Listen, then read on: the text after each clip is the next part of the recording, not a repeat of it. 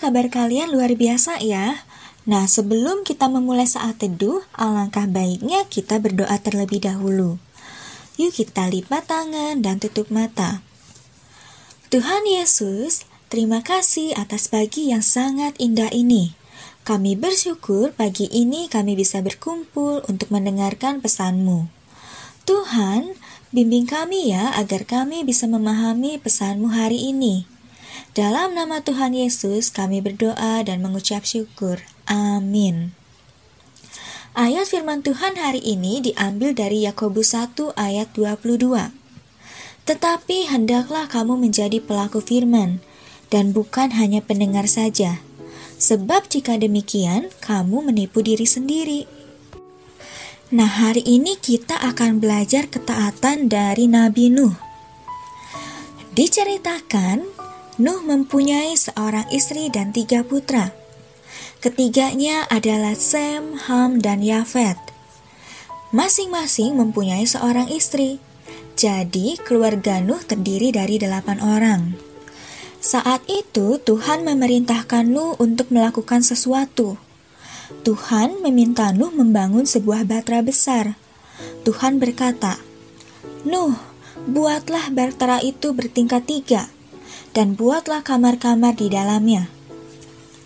Nah, kamar-kamar itu untuk Nuh dan keluarganya, untuk binatang-binatang, dan juga makanan yang diperlukan oleh mereka semua. Tuhan juga memerintahkan Nuh untuk membuat bahtera itu sedemikian rupa sehingga air tidak bisa menembus ke dalam bahtera. Nah, saat itu Tuhan berkata, Aku akan mendatangkan air bah dan membinasakan seluruh dunia, semua yang di luar bahtera akan mati. Nuh mentaati Tuhan dan bersama keluarganya ia mulai membangun bahtera itu. Tetapi orang-orang lain hanya tertawa saja. Mereka terus berbuat jahat dan tidak ada satupun yang percaya dengan kata-kata Nuh. Setelah bertahun-tahun lamanya, bahtera itu akhirnya selesai.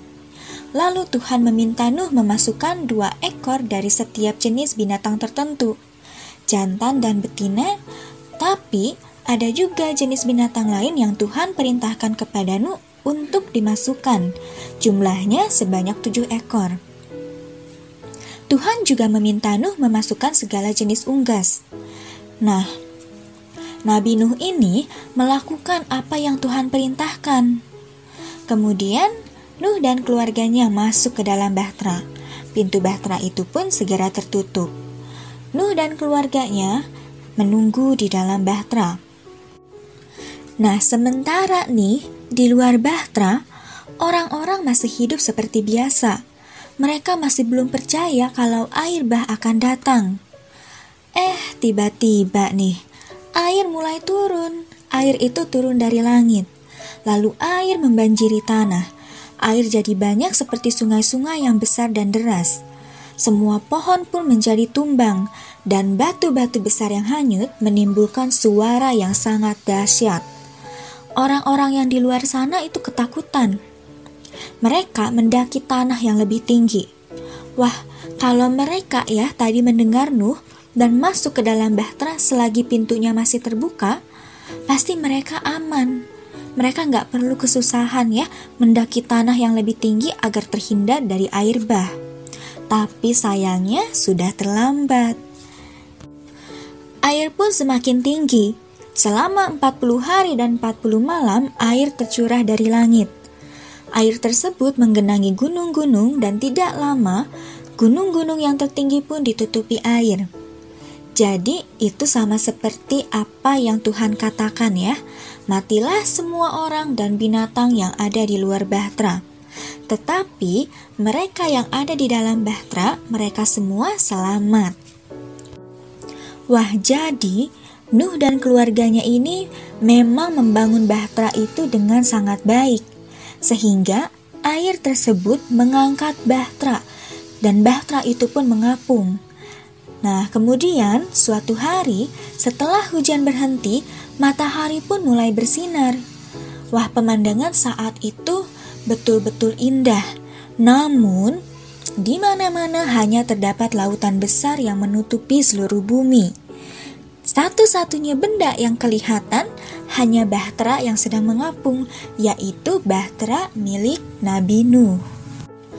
Kemudian Tuhan membuat angin berhembus, dan air bah itu pun mulai surut. Lima bulan kemudian, bahtera itu terdampar di puncak sebuah gunung. Setelah beberapa hari berlalu, orang-orang dalam bahtera itu pun dapat melihat keluar dan melihat puncak gunung-gunung. Air bahnya pun semakin surut. Nah, kemudian Nuh melepaskan seekor burung gagak keluar dari bahtera. Burung itu terbang untuk sementara dan kemudian kembali lagi, karena belum ada tempat yang baik untuk hinggap. Nuh ini ingin mengetahui apakah tanah sudah kering atau belum. Maka pada kali berikutnya, Nuh melepaskan seekor burung merpati. Tapi merpati itu juga kembali karena tidak menemukan tempat untuk hinggap. Tapi Nuh ini tidak menyerah ya. Pada kali kedua, Nuh melepaskan burung merpati itu lagi. Nah, burung merpati itu kembali dengan sehelai daun zaitun di paruhnya. Saat itu juga Nuh mengetahui bahwa air telah surut. Nuh melepaskan burung merpati itu untuk ketiga kalinya, dan akhirnya burung itu menemukan tempat yang kering untuk hidup.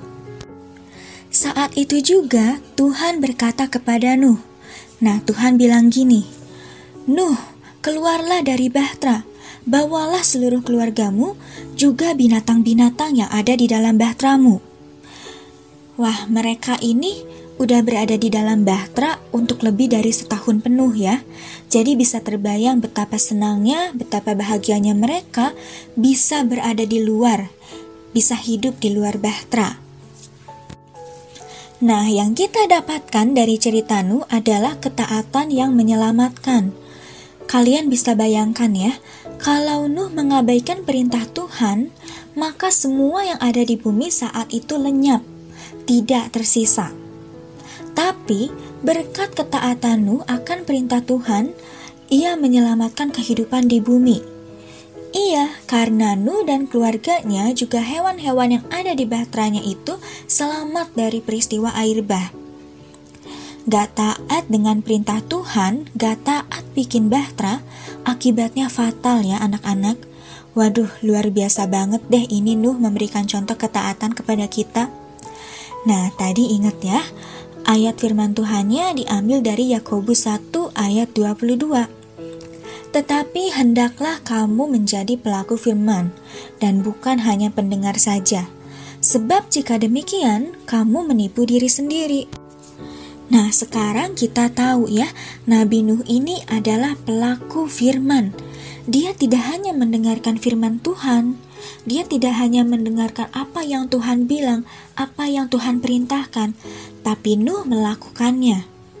Ketika Tuhan bilang, "Nuh, buatlah bahtera." Nuh melakukan itu. Nuh sudah mendengar itu dan dia melakukannya. Wah, itu keren banget ya.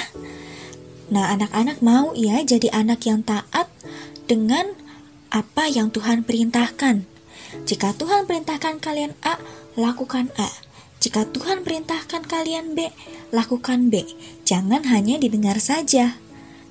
Kalau didengar aja, kalian menipu diri sendiri. Karena Tuhan udah bilang, Tuhan udah kasih tahu, Tuhan udah perintahkan. Eh, kita cuma dengar-dengar aja. Iya kan? Seolah-olah kayak kita nggak tahu itu. Seolah-olah kita menipu diri kita sendiri kalau kita diperintahkan sama Tuhan untuk melakukan apa yang Tuhan perintahkan. Nah, Miss percaya deh, kalian itu semua pasti anak-anak yang taat. Apalagi kalian sudah belajar ya, menjadi pribadi yang bertanggung jawab, pribadi yang antusias, pribadi yang jujur. Nah, tidak akan sulit untuk menjadi pribadi yang taat. Yuk, kita sama-sama berdoa. Tuhan Yesus, terima kasih untuk pesan renunganmu pada hari ini. Tuhan, kami sangat ingin menjadi anak-anakmu yang taat akan firman-Mu. Bimbing kami ya Tuhan, agar kami bisa menjadi pelaku firman-Mu. Tuhan Yesus, terima kasih. Dalam namamu kami berdoa dan mengucap syukur. Amin. Terima kasih ya sudah mengikuti saat teduh pagi hari ini. Tuhan Yesus memberkati.